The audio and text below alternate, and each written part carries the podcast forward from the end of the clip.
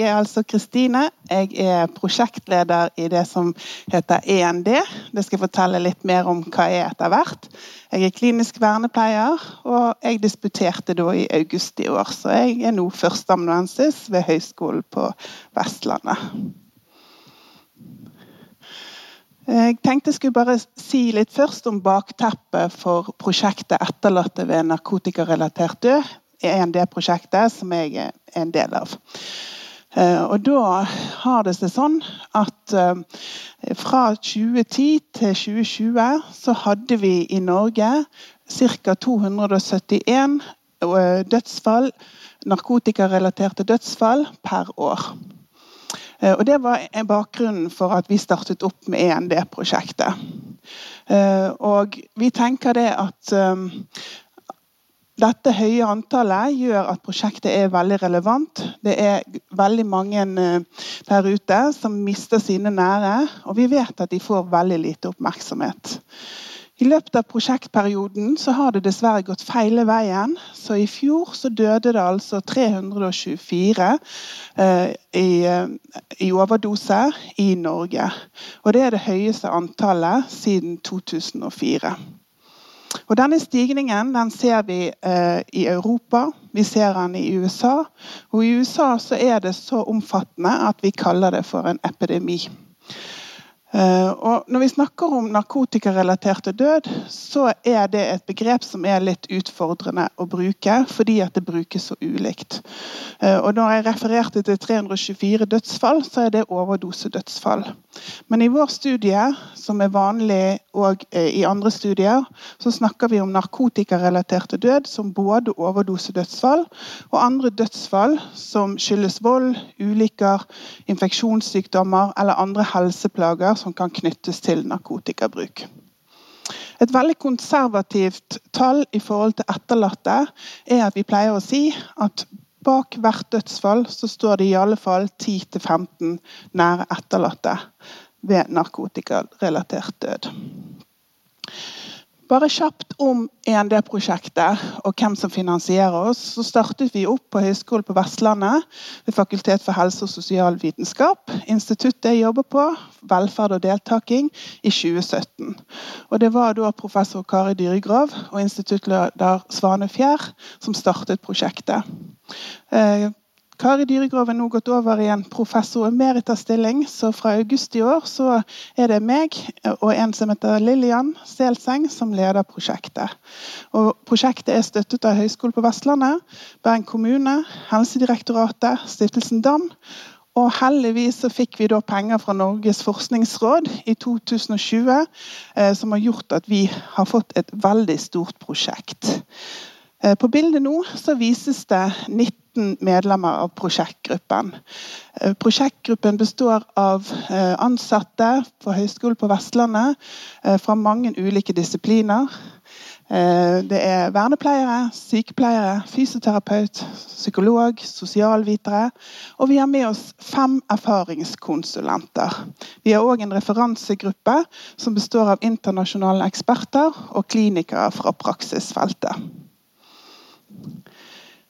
På dette lysbildet så vises nå eh, et, et eh, bilde av END-prosjektet. Og Det gjør jeg for å vise hvor jeg er plassert i dette prosjektet, og for å vise hvor stort, nå, eh, hvor stort arbeidet nå er blitt. END-prosjektet består av tre arbeidspakker som innlemmer fem studier. Og Arbeidspakke 1 handler om etterlatte. Der har vi tre studier gående. Eh, og Det er eh, på data fra spørreskjema på familiemedlemmer og nære venner, 255. Og på intervju, der vi har intervjuet 14 foreldre, 14 søsken og 18 nære venner. I studie 1 så undersøker vi konsekvenser og belastninger dette har for de etterlatte. Hva hjelp og støtte de mottar. I studie tre hva opplevelser de har før dødsfallet. Mens i arbeidspakke to, som handler om hjelperne, så har vi vært ute og gjort fokusgruppeintervju av tjenesteytere og ledere i seks kommuner. Uh, og uh, Der har vi òg hatt en spørreskjemaundersøkelse. Og Denne studien handler rett og slett om hjelpeapparatets håndtering av de etterlatte etter narkotikarelatert død. Vi har òg eh, i år startet opp en siste arbeidspakke som handler om hvordan få denne kunnskapen ut i praksisfeltet. Og vi har en såkalt forskningssirkel med etterlatte, ansatte i kommunen, ideelle organisasjoner og forskere og undervisere som diskuterer hvordan de aktivt kan gå ut og gjøre tiltak som eh, gjør sånn at kunnskapen sprer seg. Mitt doktorgradsprosjekt er innlemmet i studie 1 og studie 2, som handler om konsekvenser og belastninger for foreldre, og hva hjelp og støtte de mottar. For å tune oss inn på, på, på temaet så vises nå et lysbilde av to bilder. Ett lysbilde der vi ser, eh, nei, et bilde av der vi ser narkotika og brukerutstyr. Og det andre bildet vises et par sko, en mors hånd og en fars hånd. Og når jeg skulle disputere, så eh, ble jeg bedt om å holde en forelesning om stigmatisert død. Og Da gjorde jeg et Google-søk eh, på narkotikarelatert død. Og så gjorde jeg et eh, Google-søk på uventet barnedød. Eh, og Det første bildet her det viser resultatet etter søket på narkotikarelatert død. Og det andre bildet med barneskoene og foreldrenes hånd uventet barnedød. Og Jeg pleier å bruke disse bildene til å illustrere hvordan medier fremstiller ulike typer dødsfall. Og I dette prosjektet så kommer det tydelig fram hvordan våre holdninger, meninger og atferd påvirkes av ulike kilder, der bl.a. media er en viktig kilde til hvordan vi tenker om ulike typer dødsfall. Og Vi tenker da at bildet av eh, barneskoene gir litt mer empatiske følelser enn bildet av narkotika og brukerutstyr. Bakteppet eh, for hvorfor min studie er viktig, handler om at vanligvis når vi opplever sorg, når vi mister noen som har stått oss nær, så tilpasser vi oss, og vi klarer å leve videre. Og det klarer vi eh, som oftest fordi at vi får god støtte og forståelse fra omgivelsene. Og så er Det sånn at det er en del mennesker som opplever unaturlige, plutselige dødsfall. Det kan være type drap, selvmord, uventet barnedød og ulykker.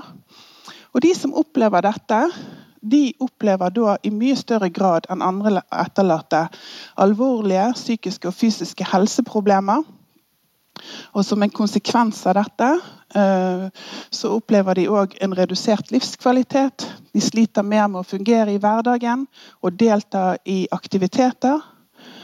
Og Det som kanskje er mest oppsiktsvekkende, det er at de som opplever unaturlig plutselig dødsfall, de har sjøl en økt risiko for å dø tidligere.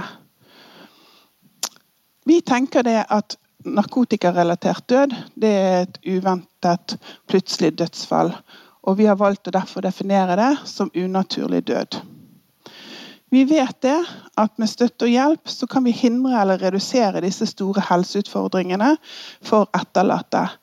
Eh, og Derfor så tenker vi at studien om narkotikarelatert død, å få ut kunnskap om hvordan hjelpe og støtte, er viktig for å hindre og redusere utfordringer hos de etterlatte. Noen av dere har sikkert lagt merke til at jeg har kalt eh, studien min for 'Den spesielle sorgen'. Og Hvorfor har jeg gjort det? Det er jo en del av hypotesen knyttet til begrepet 'en spesiell død'. For i fagterminologien så beskriver dere og Martin bl.a noe som de kaller for en spesiell død. Og Det er dødsfall som er preget av et høyt nivå av traumer, som kan være sosialt stigmatiserende eller eksistensielt problematisk, der sorgen ikke er anerkjent. Selv om ikke det var studert eh, narkotikarelatert dødsfall var, var understudert når vi startet denne studien, så kunne vi lese ut ifra de få studiene vi hadde, og som dere sikkert kan tenke dere til sjøl, at det er veldig utfordrende å oppleve et narkotikarelatert død.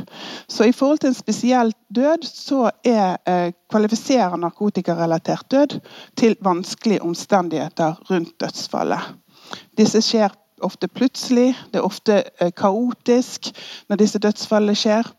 Eh, og vi er ganske så godt kjent med stigmaet som er knyttet til bruken av narkotika.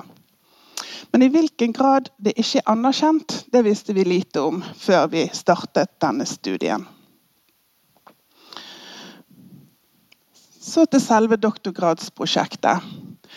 Den spesielle sorgen til foreldre ved narkotikarelatert død.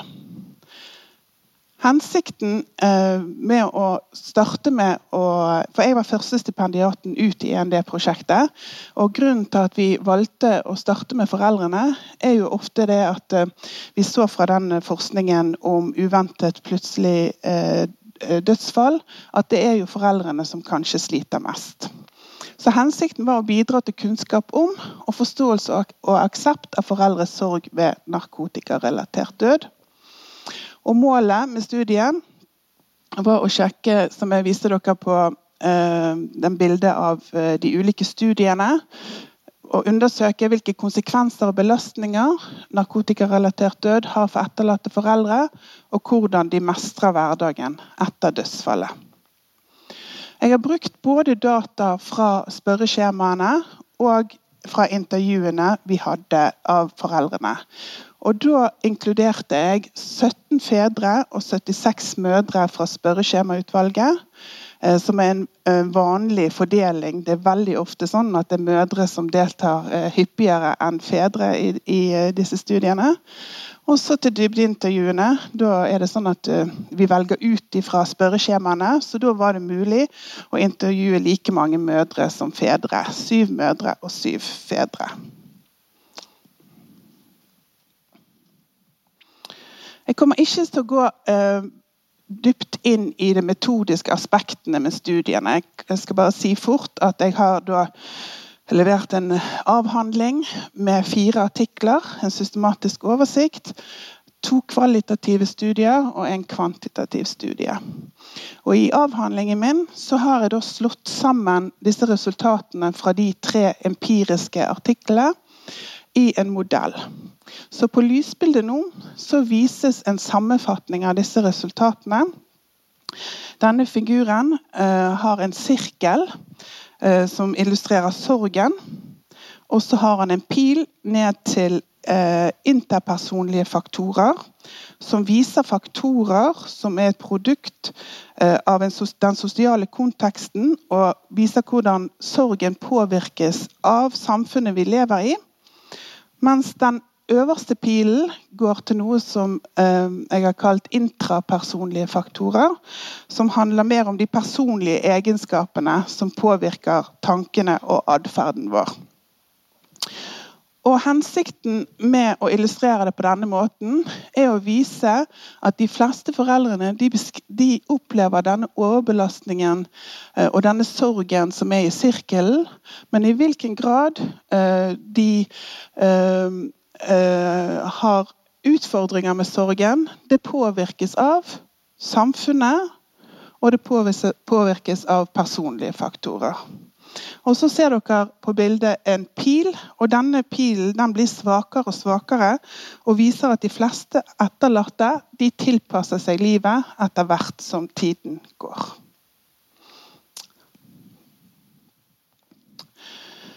Sorgen Eh, den eh, beskrives av foreldrene i, i studien eh, til å ha tre temaer som fanger opp denne overbelastningen. Og denne overbelastningen den påvirkes av tiden før død. Disse foreldrene har vært i konstant beredskap.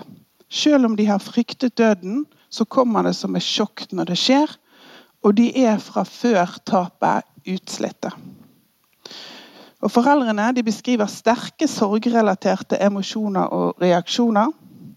Og ikke minst, de beskriver at et stigma påvirker hvordan de sørger over tapet av sitt barn.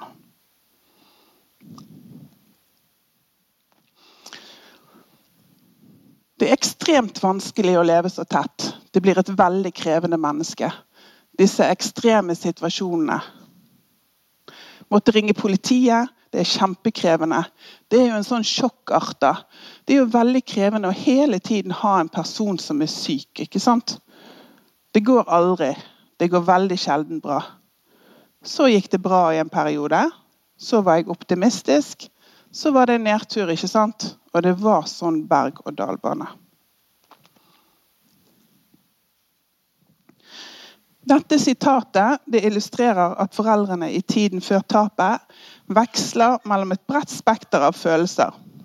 Frykt, opplevelsen av å bli avvist, utmattelse, men òg optimisme. Foreldrene som ble intervjuet i studien, beskrev at når barnet døde, så var de sliten. I tiden før dødsfallet så var de i konstant beredskap. Barnets bruk av narkotika hadde enorm innvirkning på dem. Foreldrene følte seg avvist av barnevernet, Nav. Og flere foreldre beskrev at de opplevde høye forventninger fra samfunnet om at de skulle bidra, en forventning de ikke klarte å leve opp til. For, for samtidig som vi forventer at de skal bidra, så får ikke de den informasjonen de trenger pga. taushetsplikten. Så en mor hun kalte seg en hjelper uten lisens. Og Denne ambivalensen som de står i mellom forventningene og ikke klarer å leve opp til, det påvirker de sterkt. Tiden før dødsfallet beskrives som dere så i sitatet som en berg-og-dal-bane. Og disse turene ned i mørket blir dypere og dypere og oppturene blir kortere og kortere. Altså, Jeg vet jo at vi alle tenker det. At hvis du får rusmisbrukende barn, så har du på en måte ikke vært bra nok. Sånn at du leter etter han. Klandringen i andre folks øyne. Du ser det selv om han ikke er der.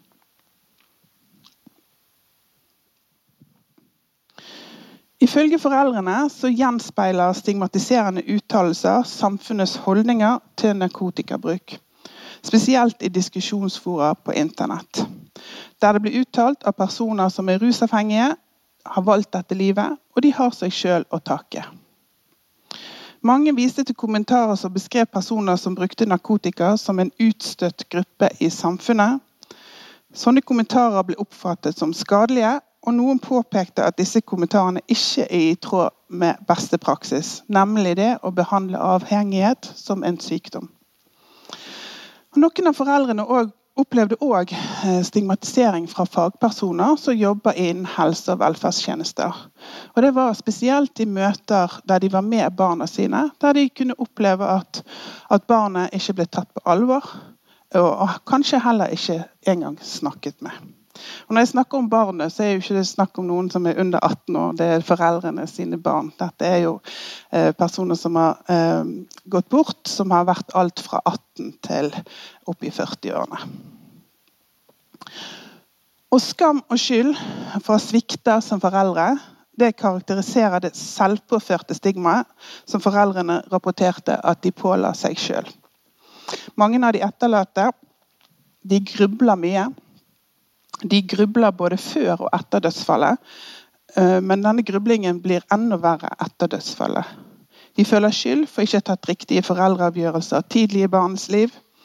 Og beskylder seg sjøl for den situasjonen barna har stått i. Og når barnet dør og alt håp er borte, så eskalerer altså dette.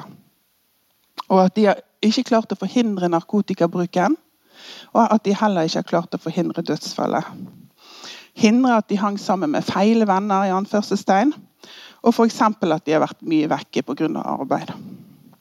De har òg grublet på om eh, det at de kanskje kunne ha eh, holdt barnet hjemme, låst det inne, om det hadde hjulpet. Men det konkluderer de med til slutt at det ikke, ville ikke ha løst noe som helst.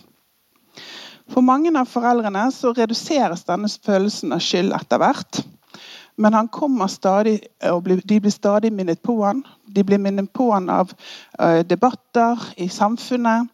Uh, og de kan òg oppleve at denne følelsen av skyld kommer bare plutselig slående som en bølge over dem når de minst har ventet det.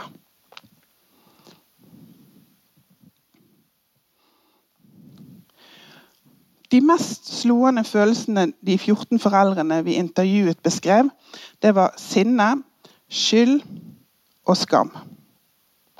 Og dette med sinne eh, det er vanlig å se eh, hos etterlatte etter et dødsfall. Eh, men jeg hadde med meg bl.a. to veldig anerkjente internasjonale forskere på ene, studien, en artikkel min. Og de sa det at i dette materialet så hadde de, de hadde aldri sett så mye sinne som det var i dette materialet. Disse foreldrene de er sinna på seg sjøl, de er sinna på barnet. De er sinna på eh, helse- og velferdstjenestene for ikke å ha gjort jobben sin. Eh, og dette sinnet, det, det er òg påvirket av denne her intense grublingen som er beskrevet i stad. Så det er det som ligger i dette med sterke sorgrelaterte emosjoner og reaksjoner. Og så er det noen foreldre som opplever lettelse. Men det er ikke på vegne av seg sjøl, det er på vegne av den som er gått bort. For selv om tiden eh, før tapet var tung, så var det eh, ingen, nesten ingen av foreldrene som beskrev at det var en lettelse at barnet døde. Bortsett fra noen få. Eh, og disse var òg knyttet til langvarig rusbruk. De hadde levd med rusbruken over ti år. Og de så ingen annen løsning på problemet. Og så var det noen foreldre som beskrev ventesorg. Eh, og Det handler om at de hadde levd igjen med barnets langvarige bruk av narkotika. Og de hadde begynt sorgprosessen lenge før barnet døde. Konsekvensene de beskrev av disse reaksjonene og emosjonene, var at de isolerte seg, og de hadde en økt bekymring for og frykt for å miste andre. Så Det var beskrivelsen av den sirkelen med overbelastningen av sorgreaksjoner og emosjoner. Og Dette påvirkes da av de interpersonlige faktorene, som handler om i hvilken grad de mottok støtte og hjelp. Hvordan de etterlatte samhandler med oss i nettverkene, omgivelsene, og ikke minst dette med holdninger og normer.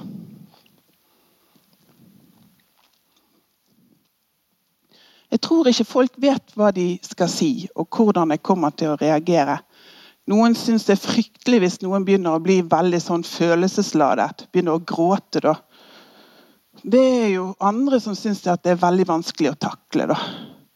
Jeg har familiemedlemmer som er helsepersonell, f.eks. Jeg tenkte at de kanskje kunne hatt litt mer å gi meg, men det sitter langt inne. Det er ikke noe uvilje eller noe sånt. De vet ikke riktig hvordan de skal gjøre det. Dette utsagnet illustrerer de komplekse relasjonene som de etterlatte beskrev at de hadde til personer i nettverket. Men de rapporterte òg om komplekse relasjoner til hjelpeapparatet, som jeg har nevnt. Og Når det gjelder å motta hjelp fra offentlige tjenester, så beskrev alle foreldrene at hjelpen de fikk fra nødetatene, opplevde de som profesjonell. Både politi, leger, ambulansepersonell, prester og begravelsesbyrå ble beskrevet som at det var en OK opplevelse. Men når begravelsen er over, så blir det stille. Og de som fikk hjelp fra hjelpeapparatet, de måtte be om det sjøl. Og av de 14 eh, foreldrene som vi intervjuet, så var det én som var blitt oppsøkt av et kriseteam. Og selv om de ber om hjelp, så er det òg noen som opplever å bli avvist. Eh, og Et eksempel på det var en far som hadde bedt om hjelp etter et halvt år, og fikk beskjed om at det var for lenge siden dødsfallet til at han oppfylte kriterier for hjelp. De som ba om hjelp og fikk hjelp, fikk først og fremst hjelp fra fastlegen sin.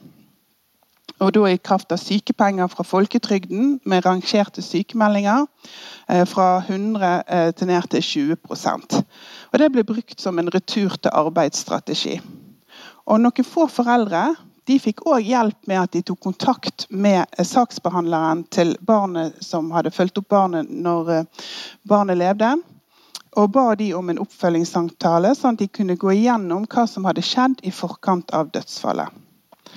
Og Selv om denne hjelpen ble verdsatt, hadde de etterlatte et uoppfylt behov for å snakke med fagpersoner. Spesielt når det gjaldt hvordan de skulle håndtere den intense grublingen om hva som gikk galt. Å kommunisere om tapet det er utfordrende, og det var, var det sånn at alle foreldrene beskrev. De, de foreldrene beskrev at de fikk god støtte fra familiemedlemmer, kollegaer og venner. Men det å snakke om dette, det var utfordrende. Så var det òg noen som eh, foreldrene beskrev som at eh, Spesielt nære fa eh, familiemedlemmer som de uttalte eh, var til stor hjelp, for de ga aldri opp. Selv om de til og med ble avvist av den etterlatte, så kom de og spurte gang på gang og det var kanskje noe av det viktigste i denne sorgprosessen. At det var noen som ikke ga de opp. Det å, kommunisere om tapet, eh, det forstår de etterlatte er vanskelig. Eh, de forstår at, eh, at det å, å snakke om, om, både den som har gått bort, og dødsfallet, hvordan dette skjedde, kan være utfordrende. Og Mange av de etterlatte kvier seg til å snakke med oss i nettverkene om dette, for de er rett og slett redd for at det er en uutholdelig byrde å legge på andre. Og så ser de òg det, at nettverket er usikker og ikke vet hva de skal si. Hvordan vi snakker om narkotikabruk, og hvordan narkotikabruk beskrives i offentlige dokumenter og lover, det påvirker våre holdninger og atferd. Det kommer klart fram i resultatene i min studie. Oss versus de-diskursen har hovedsakelig konsekvenser for de etterlatte i forhold til det vi kaller for spill-over-stigma. Stigma rettet mot barnets bruk av narkotika smitter over på de etterlatte. Holdninger som at de bruker narkotika, og de skal straffes, at det er deres skyld at de har havnet i dette uføret, det påvirker sorgen til foreldrene i min studie.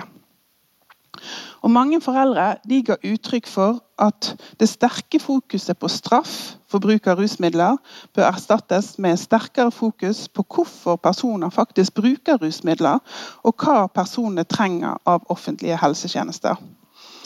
I doktorgradsarbeidet mitt diskuterer jeg derfor at hvis helse, ikke justissektoren, administrerer narkotikapolitikken, kan narkotikaavhengighet bli akseptert som et helsespørsmål og mindre en kriminell sak. Videre kan en sånn endring føre til at vi innbyggere får andre holdninger til narkotikabruk, og til syvende og sist hvordan samfunnet forholder seg til de som er etterlatt etter narkotikarelaterte dødsfall. Så en endring i politikk og normer vil òg kunne påvirke inngrep og tjenester som myndighetene er forpliktet til å tilby de etterlatte. For, som jeg vil si noe om litt senere, de etterlatte opplever ikke at sorgen deres er anerkjent. At hendelsen, dødsfallet og de tjenestene som ofte følger med unaturlige, plutselige dødsfall, som jeg snakket om innledningsvis, ikke aktiveres, sånn som det vi ville gjort med andre unaturlige dødsfall, som f.eks. trafikkuhell, selvmord eller uventet barnedød. Det var de interpersonlige faktorene. Så da går jeg over til de intrapersonlige faktorene som påvirker denne sorgen og de overbelastningene av ulike reaksjoner og emosjoner.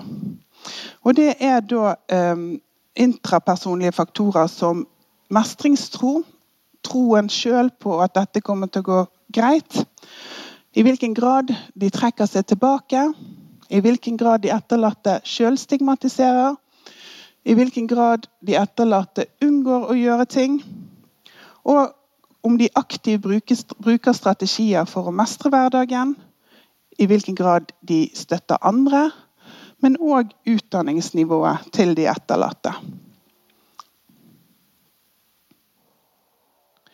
Men å leve videre er jo ikke sånn sett tema. Det, jo, det har jeg jo definitivt skal jeg gjøre. Jeg må jo òg være sterk og klar for min datter, som trenger en far som er, som er der for henne, og som kan støtte henne. Så jeg kan ikke bryte sammen.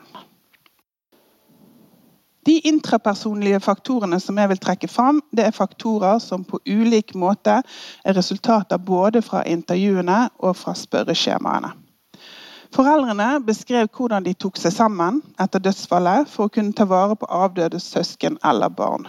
Flere av foreldrene overtar da omsorgen for den avdødes barn.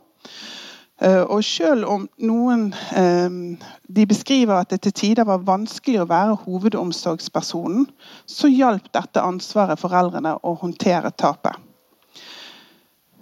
Noen foreldre beskrev at det å ha ansvaret for andre, og at andre var avhengige av dem, var den faktisk viktigste faktoren for å komme seg på beina igjen. Og at omsorgen for andre var hovedmotivasjonen for å fortsette med livet. Og Gjenlevende barn var et lyspunkt i de etterlattes liv. Og Foreldrene fant styrke i å kjempe for å forhindre at dette skulle skje igjen. At det ikke skulle skje med søsken eller den eh, avdødes barn. Og Det å være ansvarlig for andre det styrket òg samholdet i familien. Alle foreldrene beskrev at de jobbet med egne tanker, og at de brukte såkalte kognitive strategier for å håndtere komplekse følelser og reaksjoner. Mange foreldre beskrev dette som hardt arbeid, og at dette krevde stor vilje, refleksjon og ikke minst pragmatisme. De måtte endre hvordan de tenkte. Spesielt de som slet med å se verdien av å leve, erfarte at det var viktig å ta kontroll over egne tankemønstre. Og En far som vi intervjuet, han kalte det en mental forsvarsmur. Og forklarte hvordan han tok kontroll ved å snakke med seg sjøl.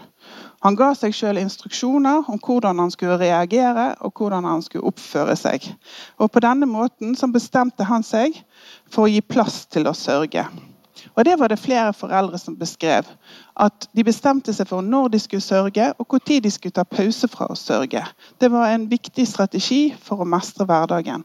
F.eks. en mor som fortalte at hun uh, var veldig nedstemt etter en arbeidsuke og bestemte seg for å låse seg inn om fredagen, være helt for seg sjøl, være på datteren sitt rom. Og, og mandagen så sto hun opp igjen, klar til å gå på jobb, og satte sorgen på pause igjen. Og Dette fungerer for mange av dem, men så er det òg sånn at noen gjør for mye av dette, sånn at det blir en unngåelsesmekanisme. Og det kan gjøre sånn at det faktisk blir verre enn det har vært. Eh, så de fleste foreldrene opplever at de er i bedre stand til å bære sorgen sin etter hvert. Eh, men eh, de som sliter med at de tar for mye pause fra sorgen og unngår den, de eh, sliter med å komme seg videre.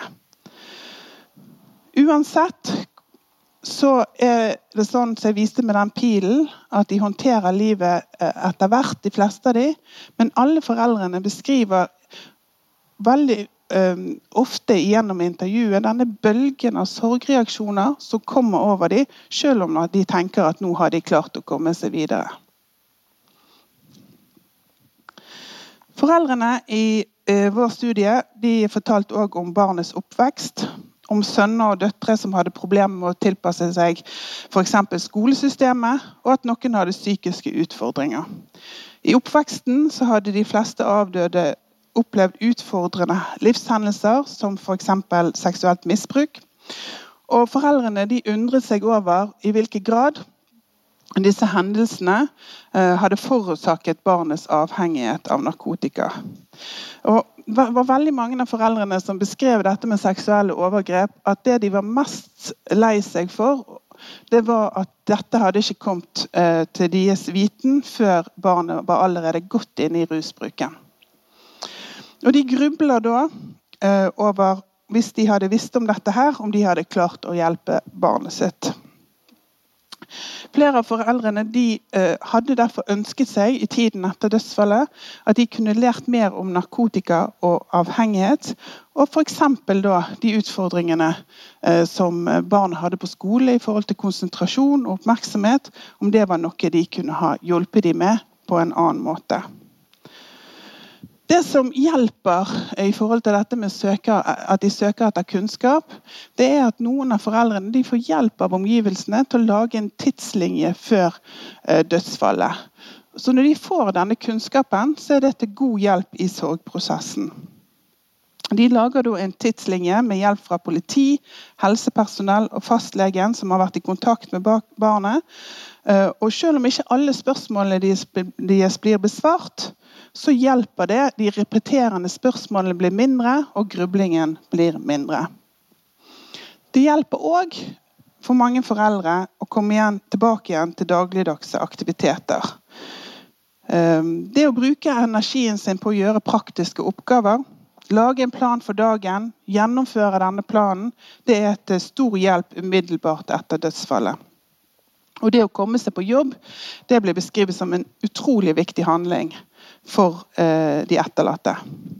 Og Der trekker de frem at de som har fleksible, oppsøkende arbeidsgivere, kollegaer, det var utrolig viktig for å komme seg til jobb igjen, i tillegg til dette med fastlegen, som jeg nevnte med graderte sykemeldinger. De etterlatte som ikke hadde en jobb å gå til, eller ikke hadde arbeidsgivere, at de var selvstendig næringsdrivende, eller at kollegaene og arbeidsgiver ikke var på, det var de foreldrene som sleit mest. Både med å finne meningen med arbeid, men òg med å finne meningen med livet. Andre faktorer i forhold til de som sliter mest, for det er noen i dette utvalget som sliter så mye at de kan oppfylle kriteriene for den diagnosen som vi har fått nå, som heter komplisert sorg. Og disse eh, foreldrene de beskriver konsekvenser av dødsfallet som at de har isolert seg. Og det som jeg nevnte i sted, at de har økt bekymring for og frykt for å miste andre. Disse foreldrene de, eh, har kanskje mistet sitt eneste barn. Eller at de har ingen andre barn som krever eller eh, som de trenger å vise omsorg eller ha omsorg for. Og de opplever at de har mistet identiteten sin, både som foreldre, men òg som helsepersonell. Hvis dere husker tilbake igjen til at det er en del av identiteten før dødsfallet. De opplever at de er heltidshjelpere før barnet død, og nå vet ikke de lenger hva de er for noe, og hva som er deres rolle i samfunnet. Å tenke på den avdøde uh, og uh, det de sliter med, det får òg eh, helseproblemer som søvnproblemer, at de føler seg trøtte, er kvalme, ofte svimmel, utmatta og engstelig. Og dette er da de foreldrene som har lavest mestringstro. Og Da kan jo dere kanskje tenke tilbake igjen at denne lave mestringstroen den er faktisk ganske så lav allerede før barnet død, dør. De har opplevd at de har svikta. De har svikta i rollen som foreldre, og troen på seg sjøl, er utfordrende. Vi ser òg at de som har lavest utdanningsnivå, sliter mest. Og det mener vi handler mest om at de med høyt utdanningsnivå kanskje i større grad vet hvordan de f.eks. kan be om hjelp og har forventninger til å motta hjelp. Det er nok mer at du leter etter den. Altså, Du kjenner det så sterkt at alle tenker at det er din feil. Hadde du klart å ta bedre vare på datteren din, så hadde ikke dette skjedd. Alle tenker det. Så Dermed så ser du etter det i folks kroppsspråk. Blikk, eller hører det i ting de egentlig kanskje ikke sier engang. Så for mitt, mitt vedkommende så var det så måtte jeg ta litt sånn aktivt tak i det. Det ble liksom viktig for meg å ikke Jeg ville heller være på en måte åpen om det. Ja, hun døde av en overdose. Ja, hun døde av rus. Nei, hun hadde ikke det enkelt. Og jeg har gjort så godt jeg kan. Nå har jeg snakket litt om de foreldrene som sliter mest.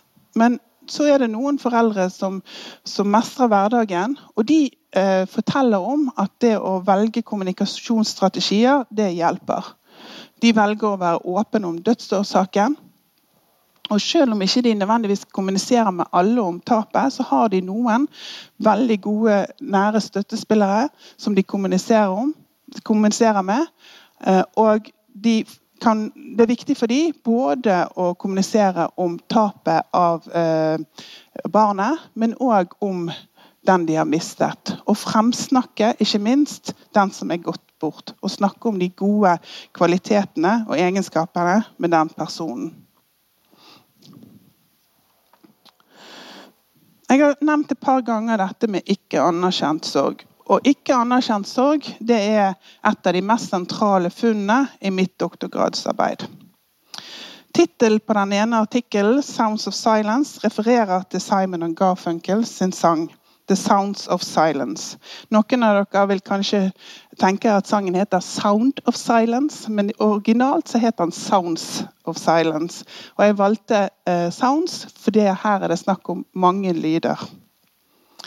Sangens tekst den symboliserer det etterlatte ved uh, foreldre med narkotikarelatert dødsfall opplever, og demonstrerer hvordan stillheten kan oppfattes.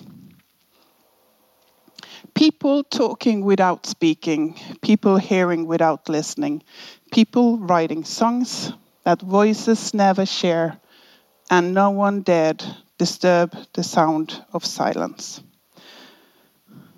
Denne stillheten gjenspeiles i hvordan foreldrene oppfattet en stillhet fra hjelperen når barnet var i live.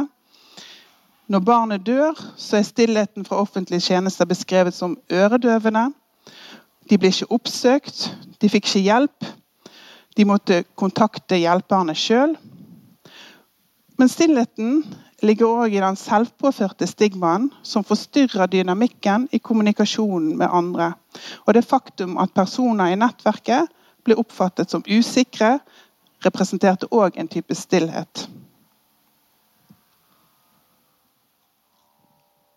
Så i dette doktorgradsarbeidet så har jeg argumentert for at på bakgrunn av resultatene så er det behov for en økt forståelse av kompleksiteten av narkotikarelaterte dødsfall. Vi må forbedre oss i forhold til hvordan vi kommuniserer og forholder oss til narkotikarelaterte dødsfall. Og Hjelpeapparatet de må være proaktiv, de må oppsøke, sånn som de ville gjort ved andre unaturlige dødsfall.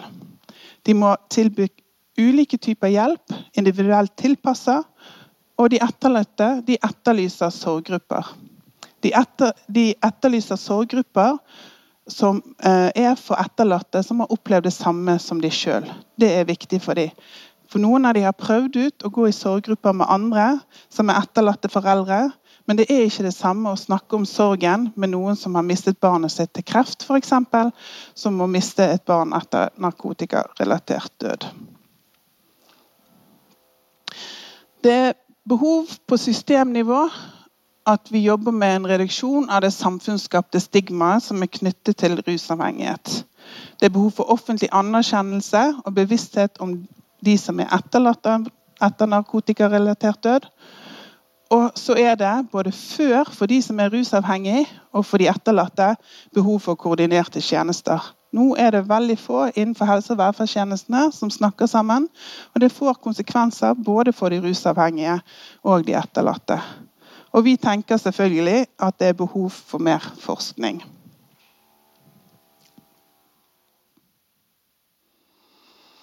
Da har jeg ett sitat igjen, og det er det verste, så nå skal jeg bare snu ryggen til dere.